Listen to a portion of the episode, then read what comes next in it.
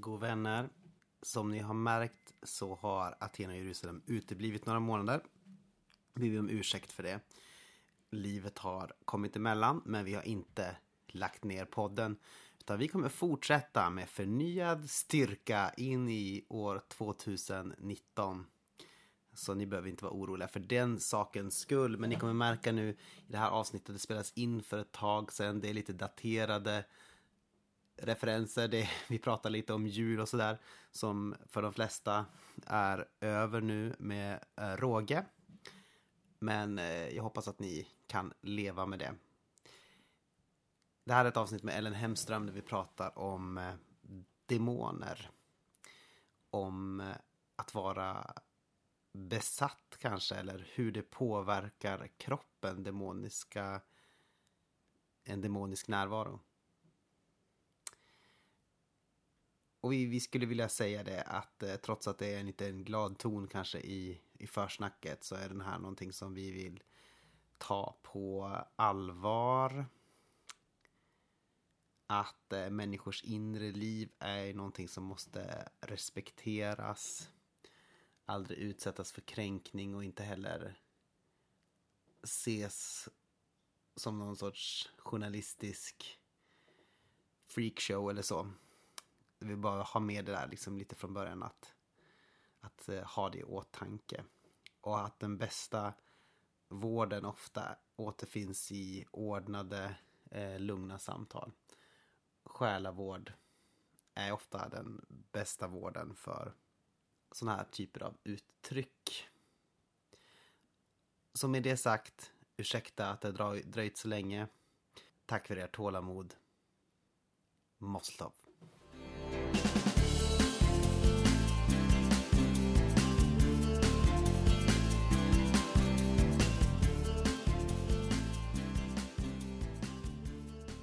Hej och välkomna till november slash december månads avsnitt av Aten och Jerusalem. Mellansveriges stökigaste frikyrkliga intervjupodcast. Eh, jag heter Simon Axelsson och med mig som vanligt har jag Anton Jonsson. Hej Anton. Som, ja, här är jag och eh, det är kul att vara här. Rullbandspelaren är igång. Det här, det här är verkligen som vilken sån här eh, eh, nyhetsstudio som helst. Vet, man lämnar över till vädret. Och det funkar. ja. Det funkar lika bra varje gång det här. Ja, jag, jag, jag blir ofta så här, jag vet inte, jag blir lite obstinat när du har, för du är ju så här, du är det, lite the straight man i vårt förhållande. Alltså, eh, ja, i alla fall på band om man tänker på den komiska liksom, dynamiken när vi spelar in det här på band så är det ofta den som får säga liksom, de här allvarliga sakerna och då känner jag ofta att jag måste vara den här som säger någonting skojigt fast jag säger inte så mycket skojiga saker. Liksom. Kramer snubblar in i samtalet. Ja, precis. jag ska kasta ut alla möbler och bygga platåer. Förväntar dig applåder, svarar sortvis ansiktet. Japp, sån är jag. Yes. Uh, ja, livet hände i november så det här blir någon slags... Nej, kompensation blir det inte ens. Det blir bara inget avsnitt i november. Det här är det. Nej. Och det är för att vi inte jobbar med det här. Men om ni skulle vilja att vi jobbade med det här så kan ni, så kan ni donera pengar till vår Patreon-sida och bli alltså en sorts eh, beskyddare för vår konstnärliga verksamhet. Och om ni till exempel tycker att det är dålig ljudkvalitet, ja men varför inte donera lite pengar så kanske vi kan höja platåerna. Vi kan komma upp liksom på nästa skov av bra ljudighet. Hjälp Aten och att höja sin lägstanivå. Precis. Jag tror kanal 5, ni vet den här kanalen som mest sänder Family Guy, eh, att de hade det som sin slogan ett tag, eh, hyfsat hög lägstanivå. Jaha, hade de det? Ja, om du vill att vi ska få ha hyfsat lög, låg lägstanivå. Så donera pengar till Patreon-sidan. Den här gången så har vi pratat med Ellen Hemström, mm -hmm. pastor och föreståndare i Philadelphia-kyrkan i Örebro. Mm. Och våran gamle vän. Ja, märks lite grann i början där på avsnittet. Vi har ju alla tre ett förflutet på eh, Örebro Missionsskola, som det hette då. Nu mm. har det lite mer korrekta men mindre charmiga namnet Akademi för ledarskap och teologi, Campus Örebro. Precis. Jag kommer nog alltid kalla det för Örebro Missionsskola tror jag. Ja, precis. Där kommer jag också... eh, Där hänger jag med dig i din bakåtsträvans tendens. Mm. Bra va? Ja. Eh, sen så kan, kan vi nämna oss också att Ellen var ju min... eh, När jag fanns i Philadelphia kyrkan så var ju hon den anställda ungdomsledaren där ett tag. Så hon var ju, kan man säga, min ledare när jag var så frivillig ungdomsledare där på, eh, i kyrkis. Ja, precis. Ja, Och jag är ju numera anställd där så hon är ju min ledare nu också. Ja, dels är jag min pastor men också min chef. hon var ju granne med oss också när vi bodde där i... Alla bodde ju på våning fem på studentkorridoren i Philadelphia kyrkan också. Jajebus. Alla våra liv är så otroligt sammanflätade på så många sätt. Ja, det är det. Vi är också båda väldigt goda vänner med hennes man Jakob. Jag spelar ju band med honom och Just det, det är också en väldigt sammanflätning att du är ju rockstjärna i bandet och Hiroshima. Mm. Jakob Hemström är en sorts frontfigur kan man säga. Nej men så på många sätt ett familjärt avsnitt. Vad ska vi prata om?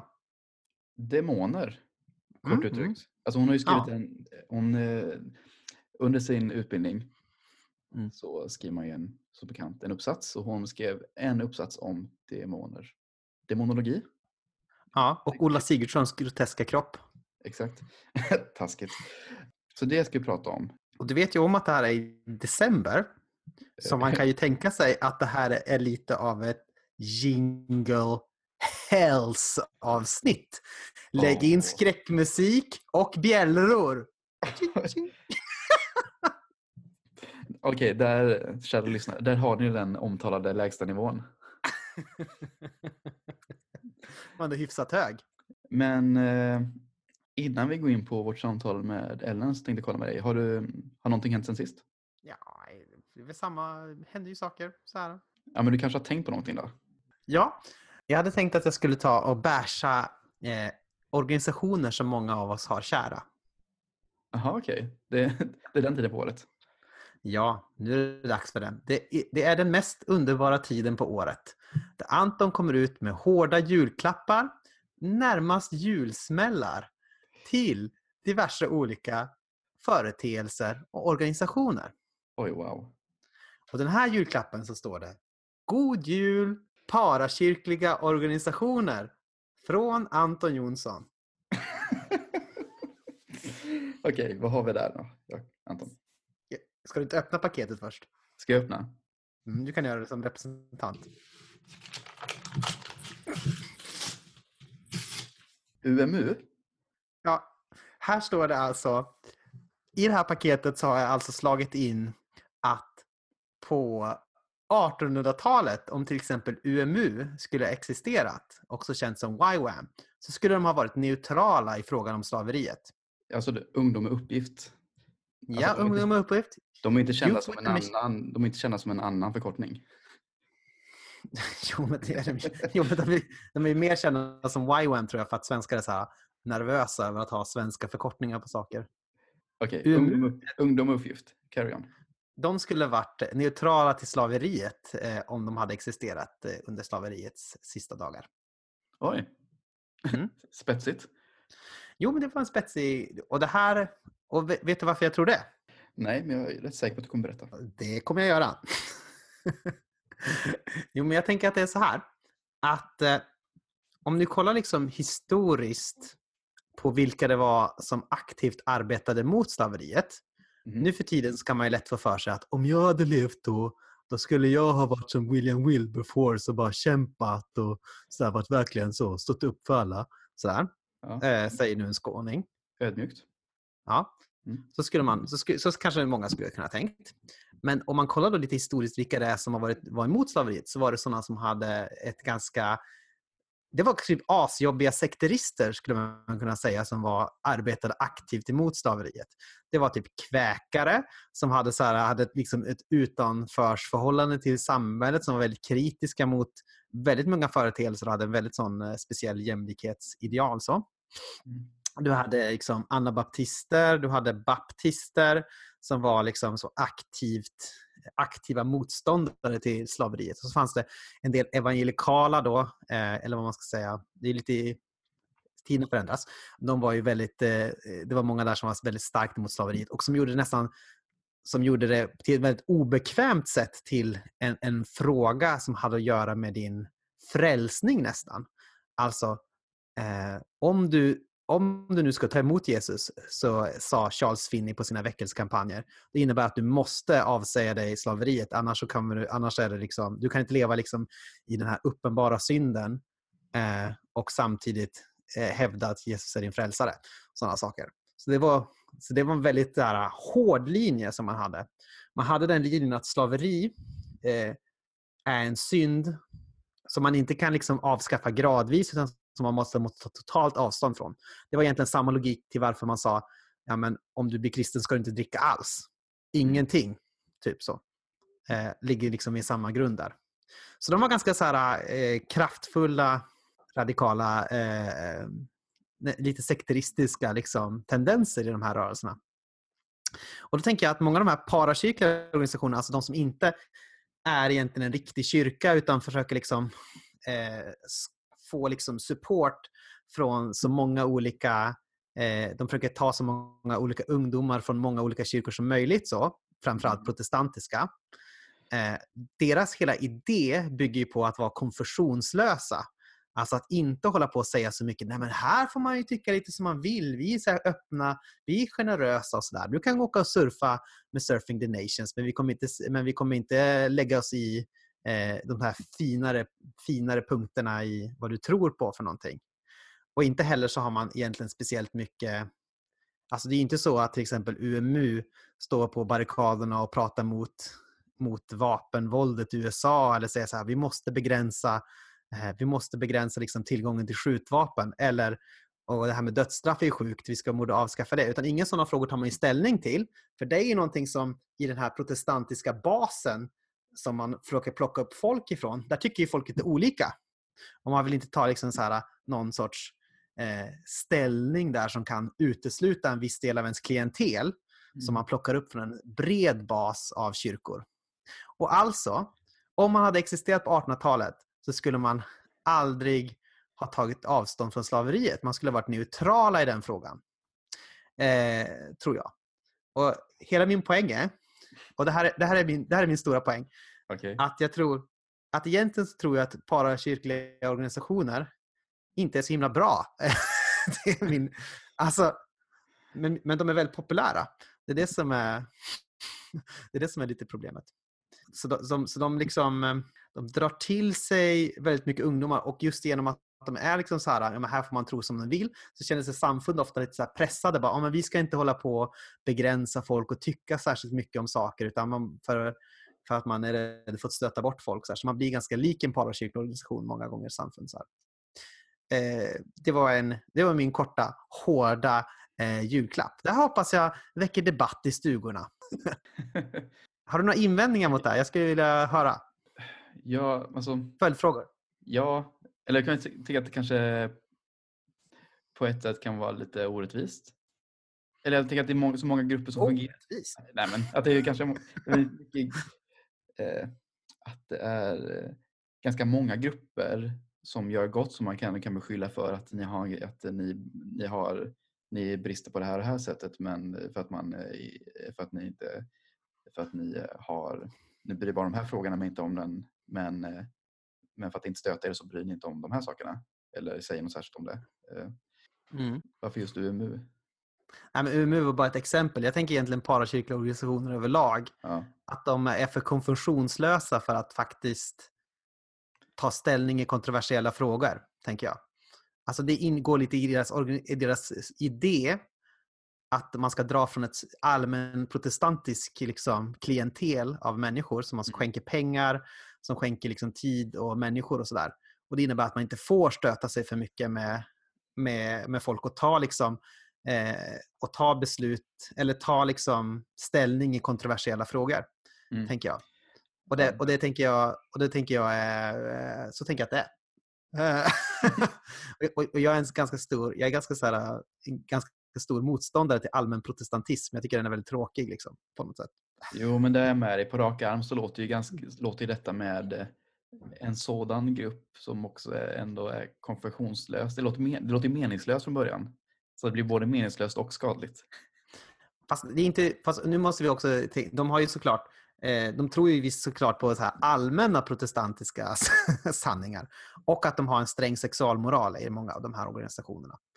För att det är liksom, för det är alla överens om i deras, som de plockar upp i deras klientel. Liksom. Men eh, man tar inte ställning i andra kontroversiella frågor, tänker jag. Mm. mm. Yes, Anton rullar in en handgranat i rummet och ser sig om. Och, eh... Går sak backar sakta ut. ur rummet.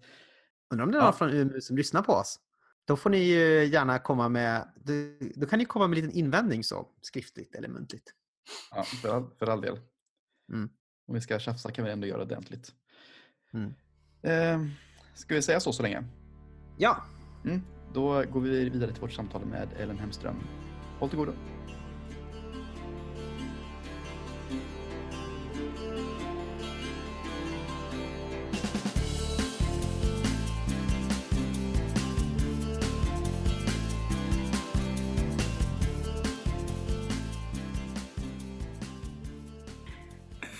Okej, köra? Ja, men jag tror okej. Okay. Och hej hå hå. Ohoj allihopa och välkomna till Aten i Jerusalem och eh, vi sitter i ett kalt rum på Philadelphia kyrkans expedition i Örebro. Och med oss har vi Ellen Hemström. Hej! Hej! Hur är läget? Bra tack. Wow. Wow.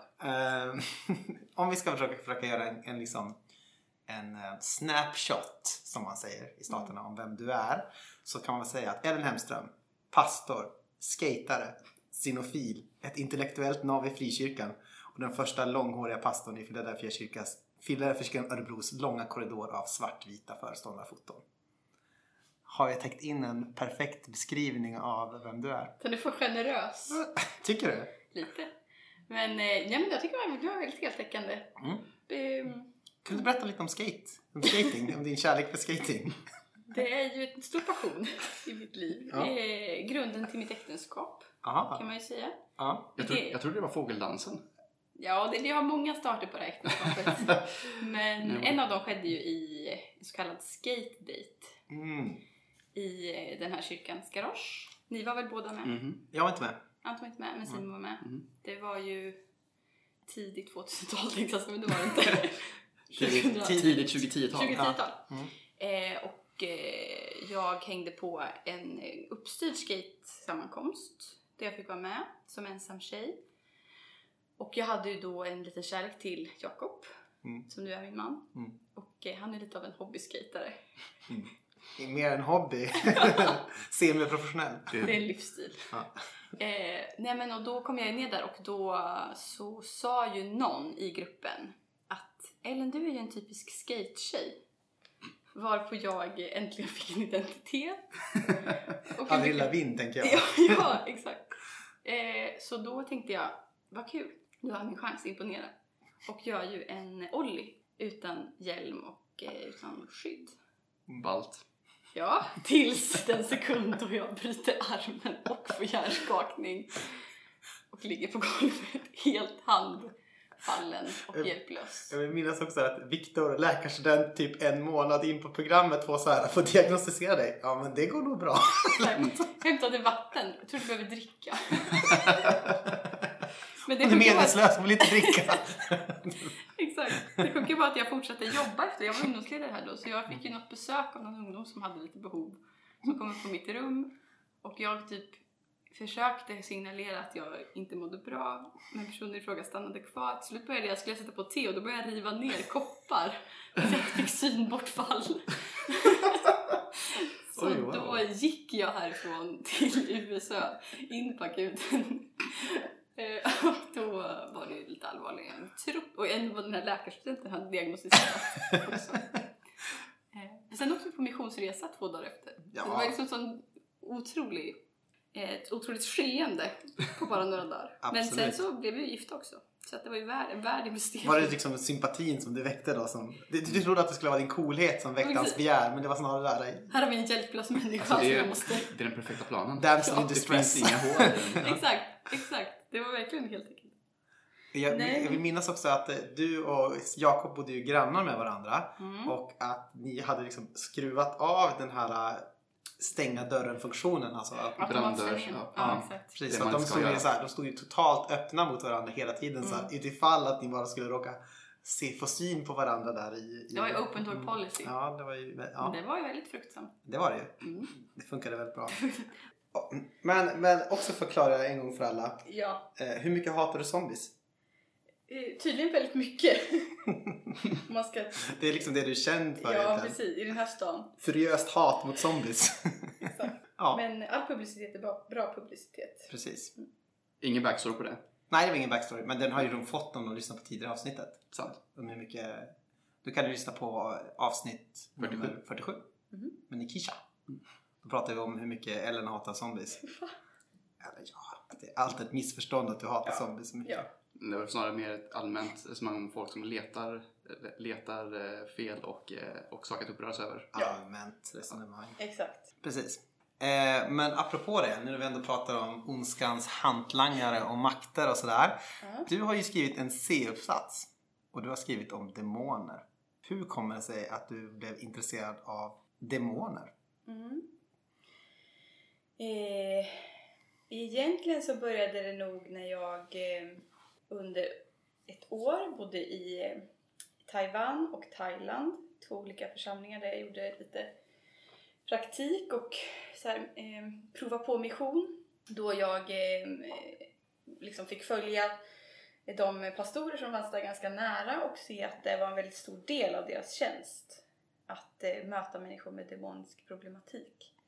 Och att det var en del av kyrkans liv att förhålla sig till demonisk påverkan på olika sätt.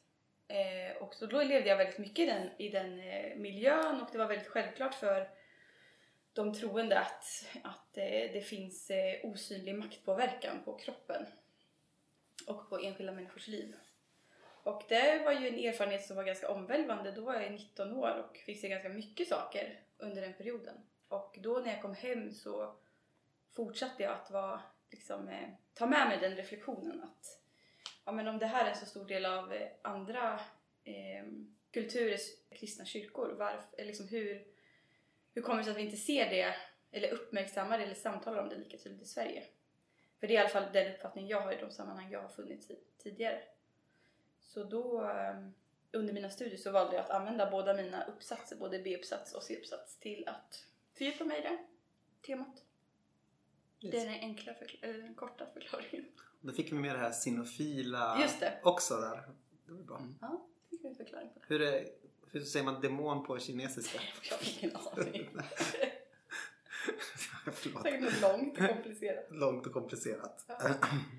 Precis. Eh, vi, om man ska ge en liten eh, filosofisk bakgrund här också så är vi ju inne i en eh, tid i filosofihistorien kanske när man pratar väldigt mycket om kroppar och så. Eh, om typ disciplinerade kroppar, att man disciplineras in i vissa, av vissa kontrollsystem. Eh, till att anta vissa beteenden, värderingar och sådär. Och eh, har vi har massor med olika, man pratar mycket om så vita kroppar, bruna kroppar. Det är så populär, popularisering av det. Att man liksom, att för att man har en kropp så blir man på något sätt eh, så in, det, det är inte bara liksom biologi utan det ingår massor med saker i det också. Eh, det finns en sorts social placering då av, av olika kroppar.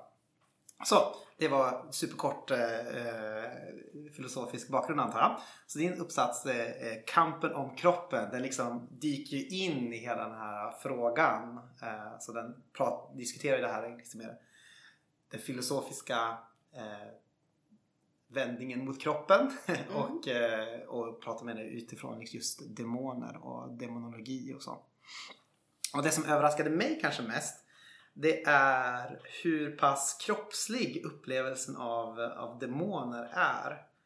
Alltså att man också i den tidiga kyrkan liksom beskrev det som att demoner är någonting som har en sorts eh, kropp och som påverkar kroppen. Och, ja, men kan du inte berätta lite grann hur den här kroppsligheten eh, tar sig uttryck? Mm. Mm. Bara säga kort hur det, vad det jag har liksom haft för material kanske, så man vet lite vad jag utgår ifrån. Okej. Annars tar det som att jag tar det från luften. Ja. Men eh, jag har ju skrivit utifrån, gjort en, eh, en studie, jag tittat på erfarenheten av demonisk påverkan på kroppen. Det Mm. har varit liksom min lins som jag har tittat igenom. Och jag har gjort det genom en så kallad fenomenologisk metod där man försöker förstå erfarenheten av någonting. Och då har jag bland annat tittat på historisk, eh, den historiska erfarenheten av eh, den här demoniska påverkan och det har jag gjort genom att eh, framförallt fokusera på tre eh, kyrkofäder, ökenfäder som eh, beskriver det fenomenet och sen har jag läst två eh, författare som eh, jobbar med befrielse eller exorcism eller hur man vill uttrycka det.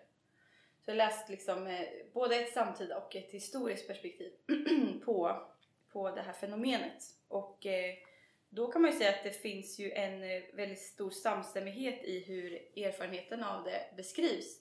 Både i den historiska kyrkan och i den samtida erfarenheten. Ehm, du vill liksom att jag ska Mm. bara ut, uttrycka exakt vad det är? Ja, men, bese, bese, hur tänker man sig att liksom en, vad en demon är för någonting och hur påverkar det kroppen kanske man kan säga. Mm. Eh, om man kollar liksom över det här fältet. Vad finns det för samstämmighet Mm. innan man diskuterar det? Eh, ja, men för det första så måste man nog säga att det är ganska, det är liksom en snårig, eh, ett snårigt samtal att prata om hur de här demoniska uttrycken kan te sig för att Mm. det kan föda ganska mycket oro, rädsla, osäkerhet Mm. ehm, och ehm, förvirring kring vad som är vad. Så först och främst måste man betona att, att all form av liksom, eh, möte med det demoniska kräver väldigt mycket urskiljning hos den som eh, möter en sån konfident eller en sån person, hur man nu uttrycker det. Och Eh, Så du menar, man ska inte liksom diagnostisera någon med att, eh, att den är demonbesatt om den till exempel är lite orolig eller känner, eller känner ångest eller så. Då ska man ska inte hoppa direkt då till nej, det, är- demon, det är väldigt, det är väldigt farligt. demon, demonslutsatsen där. Mm. Eh, Det ges ju lite listor i de här böckerna jag har läst så vanliga Mm. liksom, symptom. Men det är också sådana klassiska liksom, Aftonbladets symptom som är Precis som alla kan känna igen sig Ja, lite. men det är trötthet och yrsel och illamående. Ja. Ehm, skakningar. Ehm, och de här liksom symptomen är ju, eller man kan säga yttringarna, demoniska yttringar. Mm. Eh, de kommer ju igen, alltså det, det syns ju i, eh, i eh, vi, vi kan läsa om det i Bibeln, vi kan se det i, i de här tidiga kyrkofäderna, deras erfarenhet och vi kan se det nu. Och det är ju någon form av, alltså den osynliga makten får en synlig förlängning i kroppen och kroppsliga uttryck. Att den här osynliga maktpåverkan kan få liksom, kroppsliga uttryck såsom till exempel då ehm, kraftiga skakningar eller ansiktsförvridningar eller eh, ögon som snurrar eller så. Mm. Men det är ju, börjar man fokusera på det så tänker jag att man kommer bort från, från huvudfrågan eller från vad som egentligen Mm. det är lätt att fastna i det här liksom lite Spek- spektakulära. Eh, och, och, och jag tänker att det, det är ju en, för, liksom en fallgrop som många har gått i och gjort att man också får en rädsla för, eh, för det här liksom, det demoniska eller ondskans påverkan på, Mm. på våra kroppar. Så jag tänker att man får vara lite försiktig när man pratar om demoniska uttryck. Men däremot kan man prata om vad man ser när människor blir befriade och det är att man upplever en stor frid. Eh, man upplever att någon tyngd lättar, alltså en fysisk tyngd. Det kan ha varit en, en lokal smärta som har varit knuten till någon del av kroppen som man upplever att den försvinner i samband med befrielsen. Mm. Eh, så man kan välja att ta det från det hållet eh, och se att saker, det kan vara en mer behaglig ingång än att börja fokusera på det här som man kanske har sett i Exorcisten-filmen eller Mm. eh, i populärkultur där det liksom blir väldigt storslagna grejer. Det är, det, utifrån den erfarenheten som jag har läst mig till och den erfarenheten jag har själv så är det ganska sällan det har de typen av yttringar. Precis. Mm. En, en sak som jag tycker är lite, lite intressantare som du tar upp liksom, det är ju att om jag tänker på en demon, då kanske jag tänker på typ någon sorts nå, då tänker jag ganska okroppsligt. Alltså Mm. någon sorts typ, inte vet jag, någon skum mental energi så här. Men i tidigare kyrkan så beskrev man som att de typ samlas runt offerbålen då och som, eh, där man offrar till avgudar och liksom Mm. eh, håller på och njuter av det liksom, eh, som någon sorts kroppslig fågelvarelse nästan. Och också att den beskrivs liksom som att den går eh, i den här samtida litteraturen som att det är någonting som kan liksom vandra omkring på något sätt i, i kroppen och sådär. Eh, ja, det tycker jag var intressant ändå. Mm. Jo, det, det tittar man, läser man Mm. liksom eh, den tidiga kyrkohistorien så är det ju väldigt, det är väldigt fysiskt och väldigt mycket, alltså det är ju materia. Mm. Demon liksom har någon slags pneumatisk struktur beskriver de. Eh, som liksom eh, har ett eget liksom födointag och det är väldigt så här kroppsligt att de äter offerrök och det är därför det var väl, jag tänker att det är ganska det har, verkligen, det har ju sin förklaring tänker jag i att man såg att det fanns demonisk aktivitet kring särskilt offerkulter eller Mm. eh, liksom ockulta sammanhang så såg man att så här, här, flockas det på något sätt demoner eller här finns det den problematiken. Och så försöker man tolka det att men det måste vara att de äter Mm. offerrök. Eh, det var det sättet att förstå. Det var inte alla som hade den synen men bland annat Origenes hade den Mm. uppfattningen. Ehm, och, och samtidigt som det var någonting som eh, eh, menar, Antonius beskriver hur han brottas med demoner och liksom fysiskt får blåmärken och är liksom ligger eh, slagen till marken av sina brottningskamper med demoner. Så de hade ju en väldigt liksom, kroppslig förståelse av, av de här varelserna. Men det var ju på något sätt en annan, måste man säga, en annan världsbild hur man såg på ande och materia. Så mer som... Så man, då tänkte man inte dem som absoluta motsatser då? Eller vad man... Nej, så uppfattade jag när jag har Ja. läst. Att det var liksom också att det fanns en självklarhet i att det finns en osynlig maktsfär som påverkar människan. Det, det, det, låter inte som att man behövde göra upp med det på samma sätt som en eh, modern, liksom nutida världsbild behöver. Och det sker liksom just det. Materiella varelser gör en materiell kamp om verkligheten på något sätt. Mm. I någon mån. Ja. Och det som är intressant när man också tittar på, eh, när jag har läst eh, i de här böckerna så, så återges ju massa fall kan man säga av eh, befrielsebön. Mm. Och hur de delar erfarenheten av att det är samma uttryck i Japan som i USA. Alltså att det Just finns det. något slags universellt demoniskt uttryck. Och det blir också tydligt när man tittar över historien att det har inte förändrats så mycket. Och de människor som inte har någon erfarenhet eller kanske inte ens eh, man har aldrig varit i något kristet sammanhang tidigare reagerar på samma sätt som eh, någon i Sverige skulle ha gjort. Alltså att det finns ett uttryck och det skulle kunna motivera att det eh, skulle kunna styrka fenomenet. Att det är någonting som, som finns och existerar. Men de här, erfarenhet, de här erfarenheterna då, kan inte liksom det bara lika gärna förklaras som alltså de diagnoser vi har idag som till exempel att det är epilepsi eller psykisk sjukdom? Eh, finns, det någon, finns någon anledning så att prata om demoner som begrepp eller sånt där? Jag menar, det låter lite konstigt så här med, va- som är som med varelser som äter rök. Ja. det är Kanske inte bara, den. det kanske bara är jag, men. Osynliga varelser som äter rök. Precis. Mm, det låter Mm, misstänkt. 2018. Nej men eh, jag tänker att eh, en sån fråga bottnar i våran vilja att tänka antingen eller om väldigt mycket saker. Särskilt när det gäller eh, vad som har andligt ursprung och vad som har eh, en del av att vara människa, en del att vara, finnas i den här skapelsen. Och eh, att börja liksom skilja, alltså återigen så är det ju, urskiljningen är ju liksom eh, nyckeln när man pratar om, alltså i demonologin. och eh, när man börjar göra den här uppdelningen vad som är vad och särskilja det och tänka att det ena är bara eh, psykisk sjukdom eller det andra är bara eh, eh, demonisering så gör man ju alldeles för snäv uppdelning om man ska lyssna till, till eh, den samtida erfarenheten av mötet med demoniserade människor. Att ofta så har, det, eh, finns det liksom kopplingar åt båda håll. Det finns eh, liksom eh, det finns anledningar till ett visst mående som kan både vara betingat av andliga skeenden och av eh, rent eh, fysiska, eh, kroppsliga, medicinska anledningar. Och eh, jag tänker att kyrkohistorien är ju, lär ju oss på något sätt att inte skapa en för stor åtskillnad mellan det som är demoniskt och det som är eh, liksom orsakat av mellanmänskliga relationer. Att, att kunna samverka medicinsk kompetens och kyrkans erfarenhet och Guds ord om eh, besättelse eller demoner. Jag tänker att det är där, men det är också en utmaning för vi vill gärna kategorisera det som antingen eller. Eh, men, men i USA, som de här böckerna som jag har läst i, eh, som finns ju i en amerikansk kontext, de vittnar ju om hur de oftare och oftare får remisser från psykologer och eh, från psykiatrin där man liksom ser att vi kan inte hjälpa den här personen men eh, man förstår att det på något sätt har andliga kopplingar eller övertoner.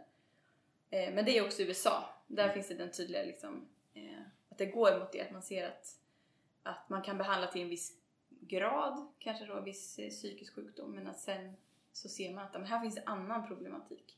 Och där tänker jag att det, det är ett sätt, eller det är någonting för oss att lära oss av också. Att inte vara för snäva i vår uppdelning. Och där kyrkan också behöver förstå att, att möta människor med bara inställningen att det här är en person som är under demonisk påverkan kan vara väldigt förgörande för den personen och också eh, vara en osanning in i den människans liv. Att det här är bara orsakat av att en demon har ansatt dig. För att det kan också vara en tillflykt för en människa som kämpar med eh, något visst begär eller någon viss synd till exempel. Att skylla det på att nej, men det, är bara, det är en demon som gör det här i mitt liv. Eh, klassiska Satan made me do it. Ja men lite den. Mm. Eh, det är ytterligare en fallgrop. Eh, så det gäller att kunna hålla båda de, de spåren i huvudet samtidigt. Och det tänker jag att, att eh, den bästa liksom befrielsen eller befrielseprocessen sker ju i själavården under en längre samtalsperiod där man liksom både bearbetar det som är människans liv och samtidigt eh, kan be kring saker och eh, ha den dimensionen med i samtalet. Att här kan det finnas andliga bindningar, kopplingar som man behöver befrielse ifrån. Så det tänker jag att den här, eh, återigen, den bilden som kanske en del kommer med att, att det är en, en pastor eller en präst som står och med ganska aggressiv ton skriker ut en demon i princip och eh, med lite vigvatten och kors och en bibel eh, drar ut den här demonen ur en person. Att det verkar vara väldigt sällan som det, det sker. Mm, Utan att det är i, det här, i samtalet och i, under ordnade, lugna former som eh, man kan möta hela människan, hela människans behov och utmaningar. Jag tänker också att en, en intressant koppling som man kan göra om man då får använda lite tekniska termer som du använder i din eh, uppsats. Interkorporalitet tänker jag lite grann på. Alltså, att vi på något sätt så har, det finns en erkännande i, eh, i eh, modern filosofi beroende på om man lyssnar på den eller inte om att vi liksom påverkas av varandra. Liksom. Det, jag, mitt jag på något sätt och den jag är slutar inte där mitt skinn slutar utan det, din person går in i mig och eh, påverkar mig på något sätt. Och på det, med, det, med det språket är det inte så svårt heller att tänka sig att ja, jag vet inte. Att det kan finnas andra krafter också som kan påverka lite grann. Precis, att kroppen är mer liksom porös i sina gränser eller att den är mer suddig i sina gränser. Att det inte är den här liksom skarpa konturen utan att, man, att kroppen kan ha förbindningar till andra kroppar, andliga mm. eller fysiska. Eh, att det finns eh, eh, relationer som både är synliga och osynliga. Och som, som själavård eller som pastor eller andlig vägledare så bör man ju kunna urskilja och ta hänsyn till att kroppen är sån. Den är hela tiden sammankopplad med andra kroppar. Jag tänker en till grej kring det här med kopplingen mellan psykisk sjukdom och demonisk påverkan. Jag gick inte in så jättemycket där utifrån att det är också en... Eh, jag tänker att det, det är dött lopp för att man kan landa ganska snabbt i att det går inte att göra den uppdelningen eller kategoriseringen. Men, men det finns ju en, ett problem när kyrkan överlåter ansvaret enbart till psykologer och sekulära hjälpinstanser och inte tar ett ansvar själva att liksom agera i enlighet med skriften och faktiskt möta de här människorna. Eh, där tänker jag att det finns, det finns en frestelse i ett sekulärt sammanhang att avfärda upplevelser av demoner som någonting, liksom, som en relik från något antikt eh, antikt liksom försanthållande eller så och, och bara hänvisa att det, det, det där är bara din labilitet eller det är någonting perverst eller något. Alltså att man, man klär det i andra ord och avfärdar det helt. Så där har kyrkan en möjlighet att ta ett ansvar som jag tror är viktigt. Men också i, i, i din uppsats nu då så har du också startat en beef med en av svensk teologis stora namn, Ola Sigurdsson. Vad är det vi vill bråka om och varför skriver du hela tiden om Ola Sigurdssons groteska kropp? Alltså det är ändå lite taskigt, Ja. måste man ju säga. Jag tyckte särskilt så här, när, när kom rubriken kritik av Ola Sigurdssons groteska kropp. Då tänkte jag det här har gått för långt. Mustigt. Och väldigt hårda. Eh, att vi har en beef är ju det är ju en överdrift. nej, nej, nej. Kom igen, Vi kan- vi kan spä behöver, vi behöver klicken. Ja, just det. Mm. Eh, nej men eh, alltså Ola Sigurdsson fungerar ju som min samtalspartner då i den här uppsatsen. Ja. Eh, utifrån att han har skrivit en eh, rejäl pjäs om teologi om kroppen på ungefär 600 sidor där han liksom gör en väldigt så här eh, gedigen genomgång av kroppens eh, ja, men teologi kring kroppen nu från olika synvinklar. Och han gör det med hjälp också av en fenomenologisk metod så han försöker förstå erfarenheten av kroppen och han gör det genom att lyssna på historiska källor och på samtida källor. Så att han, eh, jag har ju tagit mitt angreppssätt eh, utifrån hur han jobbar. Mm. Och det som jag tyckte var anmärkningsvärt då när jag, när jag har eh, satt mig in i hans bok är hur han inte, i en sån här pass omfattande bok, inte har med motivet av att kroppen kan utsättas av demonisk påverkan. Att det är en del av en teologisk förståelse av kroppen. Att den också är både arenan och åskådaren för en andlig kamp. En andlig maktkonflikt. Och det tyckte jag var intressant att det motivet inte fanns med. Han har med det demoniska som en mer eh, vid och fluffig eh, eh, term. Som mer beskriver liksom, det destruktiva och mörka i mer liksom, abstrakta termer. Men det här tydliga om man tittar på, på erfarenheten av besättelse eller demonisering så har han inte med alls det motivet av att kroppen kan utsättas för konkret maktpåverkan av en os- osynlig makt. Så då gör jag ju, jag utgår ifrån att jag vill komplettera hans teologi om kroppen. Och då gör jag det genom att använda samma metod som han på samma typer av material fast lyssna till andra röster eh, än de teologer och eh, filosofer som han väver in i sin teologi. Så det är inte en, alltså jag har ju valt en bok för att jag tycker att den är bra också. Så det är en, eh, en kärleksfull beef i så fall. Men eh, jag, eh, det jag landar i är ju att eh, det finns fog för att komplettera den teologin utifrån om man eh, ser att det finns stöd för erfarenheten både historiskt och samtida och i den världsvida kyrkan. Så det är inget svenskt fenomen eller ett fenomen begränsat till ett visst land utan det är en erfarenhet som finns globalt. Och då tycker jag att det finns skäl att det eh, är med i en teologi om kroppen. Vad är, det, vad är en grotesk kropp för någonting? Ja men det är ju, han, han använder sig av, eh, ja men det här är ju en jättegedigen bok och han delar upp, han har lite olika, eh, han, han delar upp kroppen i, ska vi se, fyra kroppar. Eh, det är den filosofiska kroppen, det är den liturgiska kroppen, det är den erotiska kroppen och den groteska kroppen. Och det är egentligen liksom samlingsbegrepp för en större tematik där han liksom pratar om kroppen utifrån olika synvinklar, alltså ett filosofiskt perspektiv, liturgiskt perspektiv och så. Och då har han, den groteska kroppen är ju ett, eh, det är ju där han eh, tangerar det här temat med eh, osynlig maktpåverkan som mest. Alltså det är där han skulle haft chansen, där finns det smashläge att föra in det här motivet. Men det är där jag tycker att han inte gör det. Och då beskriver han den groteska kroppen som ett Eh, det blir på något sätt eh, bilden eller motivet för honom att förklara hur kroppen är föränderlig och suddig i sina gränser och hur liksom kyrkan alltid har uttryckt tron genom groteska eh, uttrycksformer. Och ja, men det här begreppet grotesk kan ju eh, i vardagligt tal betyda monstruös eller löjlig. Men det kan också eh, beteckna någonting som är främmande eller gränslöst eller som överskrider det som vi tänker är normalt. Och det är den, det sättet att använda ordet som Sigurdsson, eh, Sigurdsson applicerar då på kroppen. Att kroppens eh, gränslöshet och på något sätt suddiga gränser eh, använder han som ett motiv för att beskriva kroppen.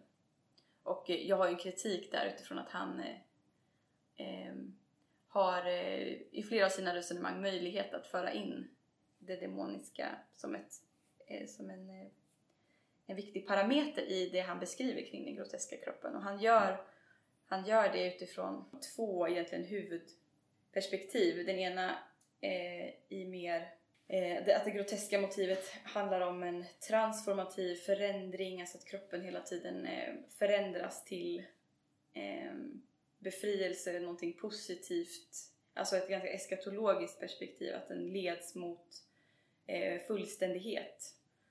Medan det andra eh, sättet att beskriva det mer, där det groteska mer betecknar det destruktiva, det främmande, det mörka. Och det liknar ju mer den demoniska erfarenhet som jag, den vinkeln som jag kommer in i, pers- i, i det här.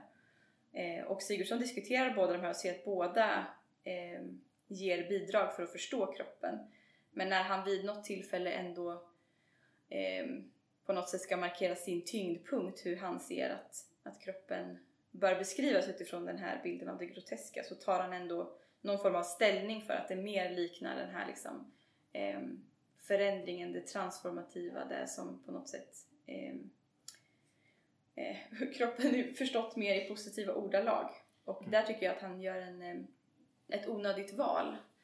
Jag tänker att teologin och Kristus själv rymmer ju både de, båda de perspektiven.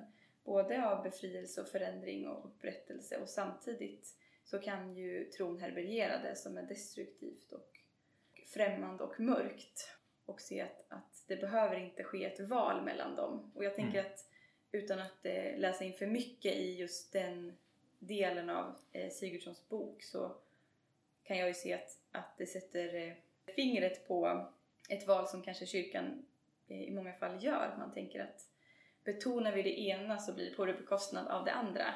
Och då är kyrkan ofta hellre glad än, eh, än vågar stanna i lidandet och möta människor i det som är kamp och svårighet. Så eh, där diskuterar jag lite med Sigurdsson och eh, en grund till min kritik är ju att han eh, varför jag tror att han någonstans får kanske svårt att ta den här erfarenheten på allvar den demoniska erfarenheten är att han hans huvud liksom eh, perspektiv är mycket den eh, kontinentala filosofin och liksom humanvetenskapen. Det är den, alltså den sekulära humanvetenskapen som han lyssnar mycket till och samtalar med. Och jag funderar på om man inte tappar någonting i den teologiska reflektionen om man eh, eh helt anammar en sekulär språkvärld till exempel och släpper Alltså att det kan bli svårt att få in kyrkans erfarenhet, till exempel då av demoner, i en sån sekulär språkvärld. Att det blir en, en krock som låser samtalet i någon mån. Mm. Där det kan finnas en eh, fördel att lyssna på exempelvis kyrkan i syd eller karismatiska teologer. Att det hade varit intressant om den moderna systematiska teologin också skulle våga gå i dialog med den typen av teologi. Visst hade du en mailväxling med Sigurdsson om det, eller? Ja, Ja. en kort. ja. Eh, Det var rätt kul att använda ordet grotesk på det viset. Ingen annan gör ju det. nej, Nej. Liksom inom citationstecken. Ingen annan gör ju det. i den vanliga det, världen. det tycker jag ofta är problem med mycket sådana här, mycket såna här begrepp då att det, ja, om man sitter i mordboken kan man komma fram till att aha, främmande och överskridande, det är det vi kommer fram till. Grotesk, det är en Men det är också att, att folk gillar liksom att använda, särskilt i en filosofisk tradition tänker jag, gillar att använda lite så här uh, edgy begrepp så här så att man ska få lite uppmärksamhet. Och man gör dem lite till sina egna. Ja, För det egentligen har det, ju, har det ihop med liksom konst, Ja. konstuttryck där det är liksom Mm. ehm, det kommer mer därifrån eh, från början. Så jag tror att egentligen är hans definition mer så som den har använts i grunden och sen har den förändrats till någon mer Ja, jag förstår.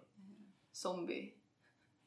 som, Som ord. som en riktning. Ja. Ja, det är bra ord, det är bra mängd konsonanter. Mm. Nej men precis, det finns ju, men jag tycker att du ändå sätter fingret på någonting där, att det finns ju det finns ju någonting i, i kristen tro att det är ju inte bara att vi blir eh, ledda från en från härlighet till härlighet. Eh, så, utan det finns ju också det här eh, motivet med kaos, kamp, med Jesus liksom angrips på något sätt av eh, hela vär- mänskliga världens ondska och på något sätt den onda världens ondska på korset och sådär. Att det finns liksom den delen också av eh, det, det fula, groteska på något sätt som Mm. finns i, i kristen. Och det kanske är en särskild utmaning till svensk teologi där jag tänker, inbillar mig, eller liksom min förutfattade mening är att det finns en viss kanske skepsis till det här. Jag tänker att vi har kommit förbi vi har kommit förbi sådana här föråldrade sätt att se på tillvaron. Alltså det här är en relik från förr som vi inte vill gå tillbaka till. Där jag tänker att det finns en, upp, en större öppenhet i andra kulturer och kontexter där man ser det här som en väldigt tydlig del av församlingslivet. I svenska församlingar så eh, med all säkerhet så möter pastorer den här typen av frågor. Men det adresseras inte lika tydligt eller samtalas kanske inte lika mycket om som det gör i andra kulturer. Där det är mer påtagligt, kanske till och med sker i gudstjänsten eller i församlingslivet. Och vad tror du kyrkan skulle vinna på att ta liksom människans sårbara kroppslighet på allvar när det kommer till liksom det vi har pratat om. Hur skulle liksom församlingarna se ut då, tror, tänker du? Skulle det vara någon skillnad eller skulle det vara ungefär som nu fast man pratar lite mer om demoner ibland? Ja, jag vet inte heller om man alltid behöver tala om demoner men att man behöver eh, som ledare tänker jag ha den, ha den blicken och den urskiljningen och den eh, förståelsen för att livet och tillvaron också rymmer osynlig, osynliga makter. Eh, så jag, jag tänker att eh, en gemenskap där sårbarhet och lidande och kamp får rum och inte sätts i eh, liksom trons källarvåning så tänker jag att det gynnar också den här typen av problematik. Att på något sätt här får, här får kamp och livet plats. Ehm, sen så, så tror jag man ska vara väldigt varsam i hur man talar kring det utifrån att, att det är också en term som finns i populärkulturen och det finns i musik som ett motiv för det som är väldigt skrämmande, det finns i film. Eh, att det behöver man ha med sig också när man talar om demoner i församlingen. Att kunna hitta ett klokt och vist sätt att, att eh, lyfta den problematiken utan att sätta skräck i människor utan snarare eh, till hjälp för befrielse för människor. Så det ser jag ju som en fortsatt utmaning. Hur talar vi om det utan att, utan att den här skräcken kommer som en följd? Sen tänker jag att det hade varit en sorg om en människa som har demonisk problematik skulle känna sig förvisad från församlingen eller känna att den lokala församlingen inte finns till hands. Och där tänker jag att församlingen behöver visa också att den här, de här frågorna räds vi inte eller eh, vi, har inte någon, vi bygger inte upp någon kultur kring där det är någonting eh, exotiskt och främmande utan ett naturligt förhållningssätt till, till, eh, till det fenomenet.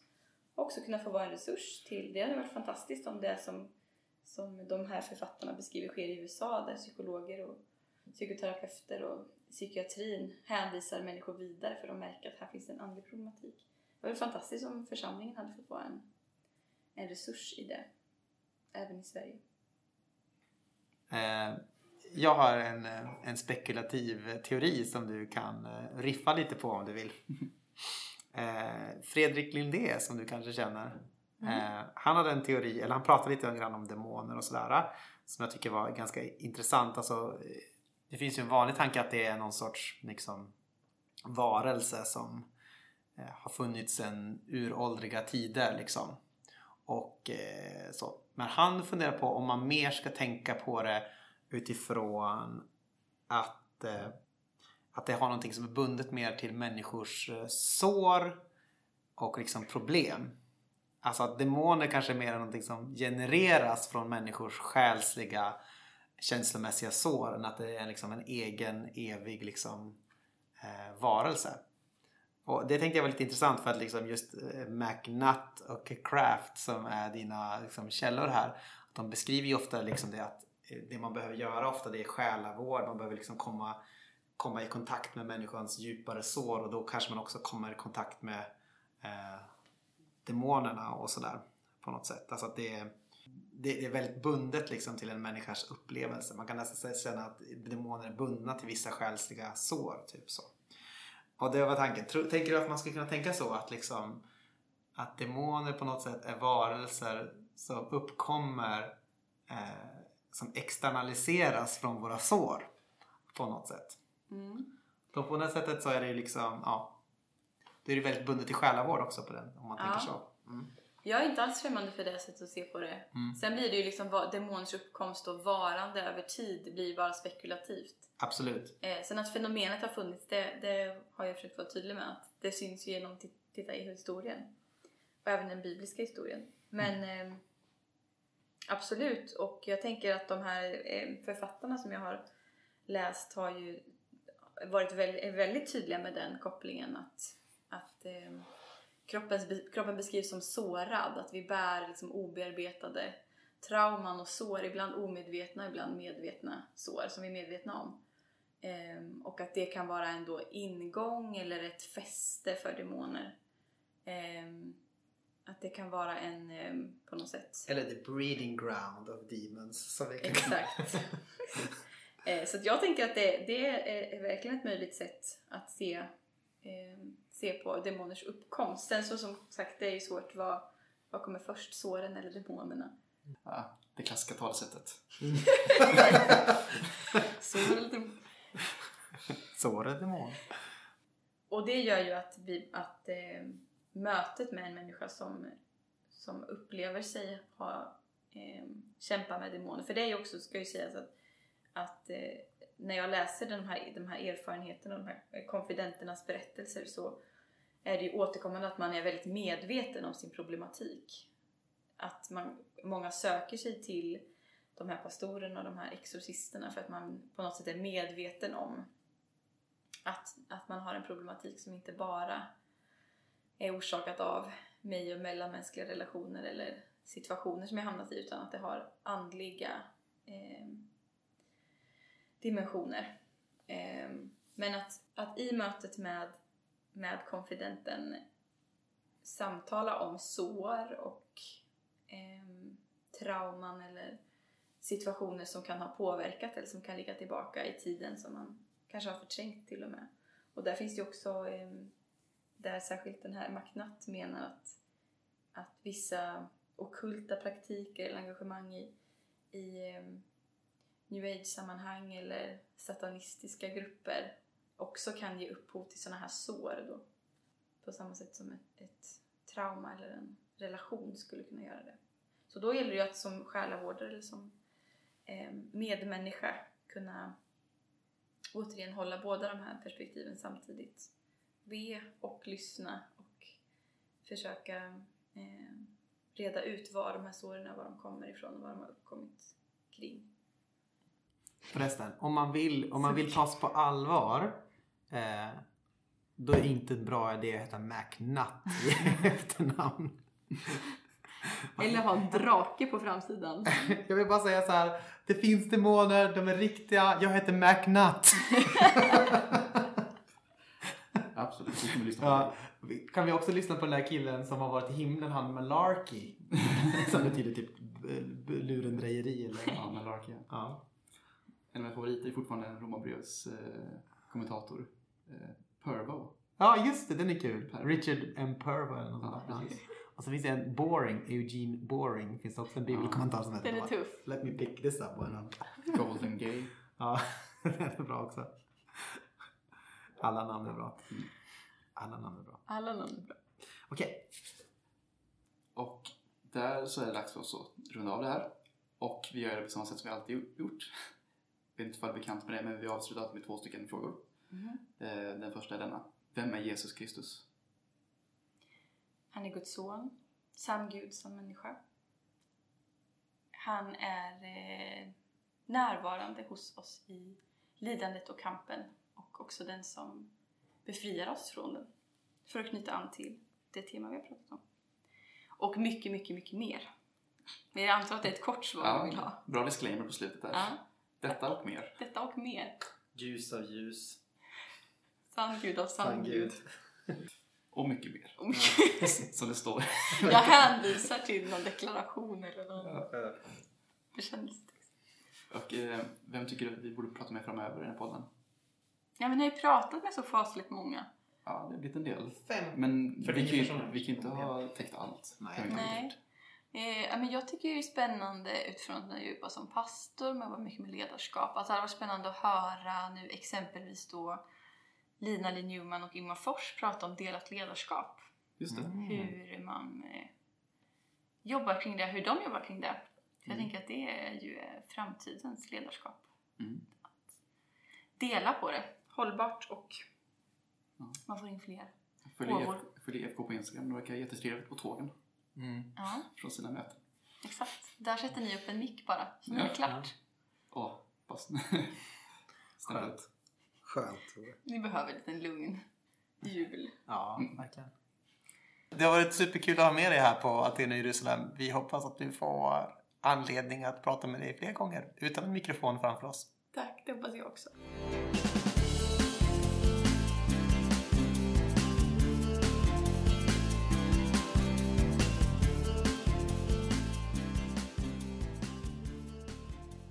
Så där då. Ni vet vad som händer. Nu är det dags för eftersnack.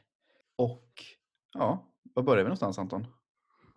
Eh, jag vet inte, vad hade du tänkt att börja? Alltså på ett sätt kan vi prata om... Eh, om man Demoner. Säger, ja, demoner. På ett sätt kan vi prata om vad ska man kalla det för? Premissen på ett sätt. Eh, Mhm. jag, eh, efter vi hade haft den här inspelningen så träffade jag några kompisar samma kväll. Och så berättade jag, ah, den här grejen hände då förresten. Vi pratade. eh, Jag var med. Ja, och, vad, prat, och eh, vad pratade de om då? Ja, vi pratade om demoner. Och då var det ju liksom, eh, typ första frågan var ju så här. Det var ju inte, aha, vad har hon skrivit om då? Eller, aha, eller vad, eh, vad tänker man kring det här? Utan första frågan var, jaha, men liksom, så hon tror på demoner? Mm. Och det är ändå lite så här, eh, talande på ett sätt, tänker jag. På vilk, vad, liksom, vad vi har, var, var vi placerar demoner i vår världsbild på ett sätt. Liksom, Mm. eller så är det bara ett uttryck för den eh, eller är det bara ett uttryck för den väldigt sekularis- sekulariserade kristna tron där, liksom, där, det blir, där man ser mindre och mindre av den andliga verkligheten. Eh, Mm. eller så som typ en av våra frågor var ställd då att eh, detta med, kan inte de här erfarenheterna av demoner och sånt egentligen förklaras som psykisk Mm. sjukdom eller annat? Att liksom, har vi inte bättre ord för det här nu? Vad tänker du kring sånt? Att, det, att man, är det, vad hör det här hemma? Eller vad tror, du folk, Eh. vad tror du folk tänker och hör när de tänker på demoner idag? Eller vad ska vi göra av dem? Vad ska vi göra av demonerna? Driva ut dem! Nej, men jag tänker väl att det finns ju, eh, jag vet inte vem det var som skrev det. Den som, eh, den som kan säga vem det var kan få en kaka skickad till sig från mig. Men det var i alla fall en missionär, tror jag, en menonitisk missionär i Indien eller något sånt där. Och han, han eh, pratade just om det att, eh, men att det kom eh, folk till honom som, som sa ofta så här, ja men åh nej, jag har fått den här sjukdomen eller något sånt här, det måste bero på demoner. Och så, sen så var han liksom så här, nej, nej, nej, det gör det ju inte, det beror ju på det här. Så liksom försökte han tillrättavisa dem på det sättet. Och så, tänkte, och så kom, kom han på det, här, men oj, det är egentligen så att jag har exkluderat en hel, en hel massa från, från, från verkligheten på något sätt. På grund av någon sorts reduktionism. Så här, att vi har egentligen människa, och så har vi Gud och så har vi ingenting däremellan. Liksom. Mm. Och så behöver det ju inte vara och så. Oavsett vad man tror så är det ju ändå en sorts um, erfarenhet eh, som verkar vara över ganska stora spektrum av, av mänskligheten. Att man har någon sorts erfarenhet av, av andar, av någon sorts demoner eller så. Att det, finns, eh, det finns ju både den erfarenheten då i, ja, men i afrikanska religioner är det, ju, eh, är det ju ofta ganska uppenbart att där är det, är det, kan det vara en ganska stor del av det. Eh, liksom vi har dels förfäders andar och så har vi ju eh, liksom andar som på olika sätt kanske kan besätta en person så både i positiv mening att det kan liksom ge någon sorts ny kunskap och eh, i, i då negativ destruktiv mening. Så det är ju en, en erfarenhet där. Och, ja, men i, om du bara kollar till Mongoliet som jag reste till nu sist så är det jättevanligt att man till exempel ger eller det är inte lika vanligt för nu som det var förut. Men det var vanligt att man, om man kanske hade fått missfall några gånger, Mm. eh, så tänkte man att det antagligen beror på någon sorts andlig påverkan. Så då gav man dem namn som till exempel Nergui, som betyder då eh, namnlös. Och det var då för att man tänker sig att ja, men, då har demonen liksom ingenting att greppa tag i på något sätt om vi ger, då, ger personen det här namnet. Då blir de på något sätt förvirrade, så de är lite dumma i huvudet de här demonerna. Och så kanske man gav eh, ett barn ett namn som typ eh, Månesjö, alltså typ dålig hund eller något sånt där. Eh, för att liksom, ja men oj, det här, då kan, kommer de tänka så här, ja men det här är ju ingen människa, det är ju, då går vi vidare liksom. Eh, så man gav dem liksom, så där är det också en sån, där är det väldigt tydligt att det finns en sån påverkan, en, en sorts rädsla för det. Eh, men också en sorts liksom, erkännande av den delen av verkligheten. Och samtidigt kan vi, kan vi tänka att, i, ja, att någon, sak, någon sak som bör, kanske börjar komma ikapp oss lite grann tror jag ändå är att vi har haft en tendens till reduktionism i västerlandet. Alltså att vi har tenderat att säga liksom det här är ingenting annat än det här. Eh, och Det tydligaste exemplet är kanske hur vi diskuterar människor, eh, tänker jag. Att där tenderar det hela tiden vara en sorts reduktionism. Antingen säger man att ja, men en människa är ingenting annat än den här biologiska organismen som är självisk. Liksom. Mm. För, eh, och det, finns liksom in, det finns inget annat som man kan förklara människans beteende utifrån. Det är bara en hög med kolatomer. Ja, precis. Och så sen så har vi å andra sidan som säga, ja, men en människa, alltså den individuella personen på något sätt är helt ointressant utan allting beror på liksom sociala situationer. Mm. Alltså att det är egentligen, människan är helt betingad av sin sociala miljö. Så individen finns på ett sätt inte utan det är liksom de här eh, väldiga verkligheterna ovanför oss som, ja. som säger oss vem vi är. Strukturerna. Precis. Om man ska uttrycka det enkelt. och jag tror att där, där märker vi en sorts skadlig reduktionism. Eh, där. Och där vi kanske egentligen behöver säga, ja men människan, ja men visst människan är en biologisk varelse och motiveras av biologiska saker. Och visst människan är en social varelse och liksom kontrolleras och sätts gränser för av sitt sociala sammanhang. Men hon är också eh, en varelse som har agens som faktiskt kan vilja saker, som kan älska, som kan handla irrationellt, som, som inte den här nyttomaximerande personen heller, utan som liksom kan gå emot sina egna intressen till och med. Och, precis. och med den här långa utvikningen, varför skulle vi inte... varför skulle vi, varför skulle vi inte... Vi skulle kunna tänka oss också att det finns ett mellanplan i verkligheten på något sätt. Mm. Alltså att det, det, det, det, finns inte bara liksom... Det kanske finns någonting... Eh, det kanske finns någonting mer än bara materia som vi känner den och eh, sociala strukturer. Det kan ju finnas en, en mellannivå där också. Eller så. Och till exempel, jag känner att jag verkligen kom igång här. Förlåt Simon, jag bara pratar på. Eh, vi har den här, det finns en klassisk eh, bok av Walter Wink, eh, typ heter Naming the Powers. Ja. Eh, och där pratar han liksom att, om att en, att en institution kan ju liksom eh, bilda en sorts anda eh, som liksom påverkar utanför, liksom, eh, utanför de här människorna som är på något sätt inuti strukturen så blir det liksom som någonting som eh, infek- som liksom påverkar människor som liksom sätter sig i kroppen. Och sådär. Men, men man kan ju också tänka sig... Det är så typ det man så vardagligt, vardagligt kan kalla typ normer eller förväntningar då? Eller? Ja, men till exempel. Men också lite så att det blir, liksom, det blir på något sätt större än den här vanliga institutionen. Ja, hur som helst. Men, men jag kan tänka mig också så här. Och det, det är kanske det är lite men jag kan tänka mig att det, det, är ju sant på ett sätt att det finns. Men man kan också tänka sig att kanske att det kan ju finnas mer än det också. Och det kan ju finnas, det kanske är så att andar genereras av anda. Vem vet? Mm. Mm. Och av sår, som jag var inne på också. att det blir någonting större av det personliga och det strukturella som på något sätt blir en egen kraft. Ah, ja, hur som helst, det är väldigt spekulativt. Framförallt eh, gillar jag hur du hade de här eh, namnen så, när, så top of mind. Nergi och vad var det? Vad var det? Ja. Månesjö, dålig hund. Ja. ja, nej men det det är för att jag, jag, jag var i Mongoliet och bodde hos en person som hette Nergui. Eller hon hette egentligen, man säger egentligen Nergo, men det stavas Nergui. Okay. Eh, och jag lärde mig, jag lärde mig att säga som det står.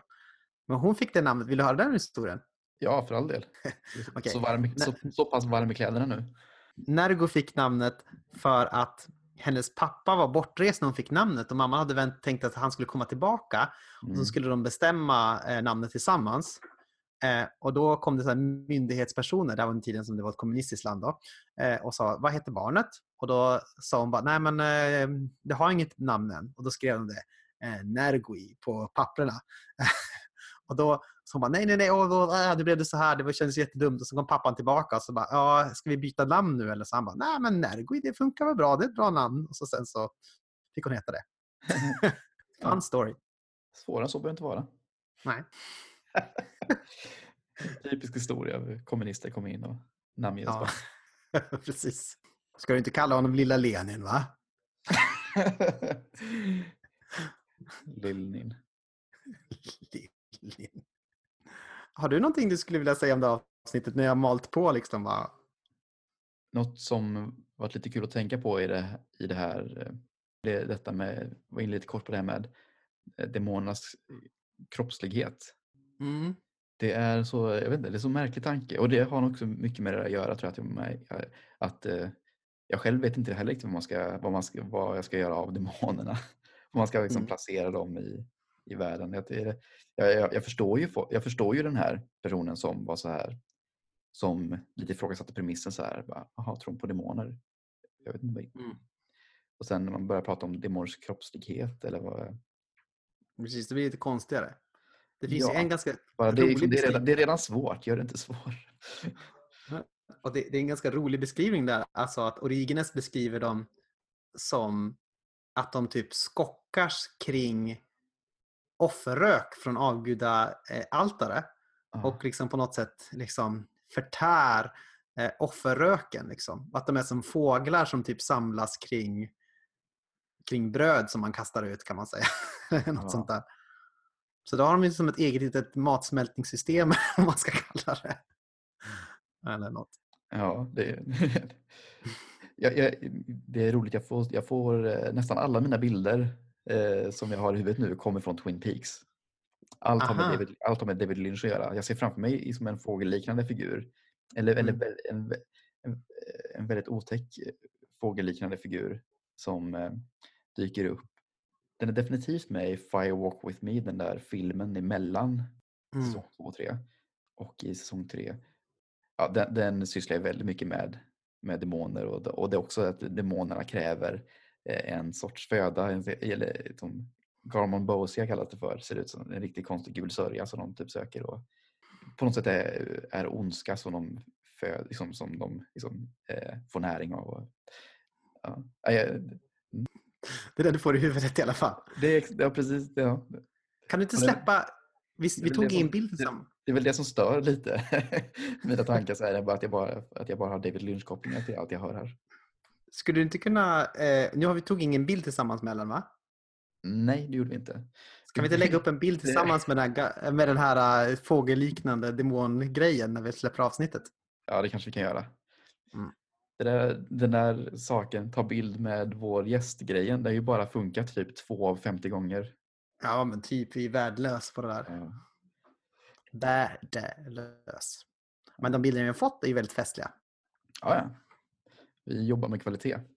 Mm. Jag tror det roligaste är med dina mattebo. Något sånt där. Just det. Mm. Ja, det känns som den berömda ångan har gått ur oss nu. Ja, Men eh, det har varit en ku- kul uppsats där och det är också det är alltid eh, roligt att någon eh, ger sig på att slänga käft med Ola Sigurdsson typ och i en det är, det är imponerande faktiskt. Ja. Han är ju en av våra svenska mer berömda teologer skulle man kunna säga, också internationellt. Så. Mm. Och väldigt eh, välbeläst. Så det är kul. Och bara att man vågar liksom prata om att han har en grotesk kropp så här i en uppsats, det är ju ändå lite, modigt. low blow. ja, precis. Jag har inga argument, men du är ful. Ja. Det- känns Det var- kanske inte så juligt att prata demoner så här i, liksom så här i adventstid men så fick det bli den här gången. Men, men du Simon, Ja, jag kommer att tänka på en, en, eh, en sång som jag tycker går väldigt bra, en julsång som går väldigt bra ihop med det här avsnittet. Så ska vi ge ett soundtrack-tips. okej. This is war med Dustin Kensrue. Just det. Det är en riktigt bra Whom the, de- who, whom the demons fear. Eh, eller något sånt där sjunger han ju där.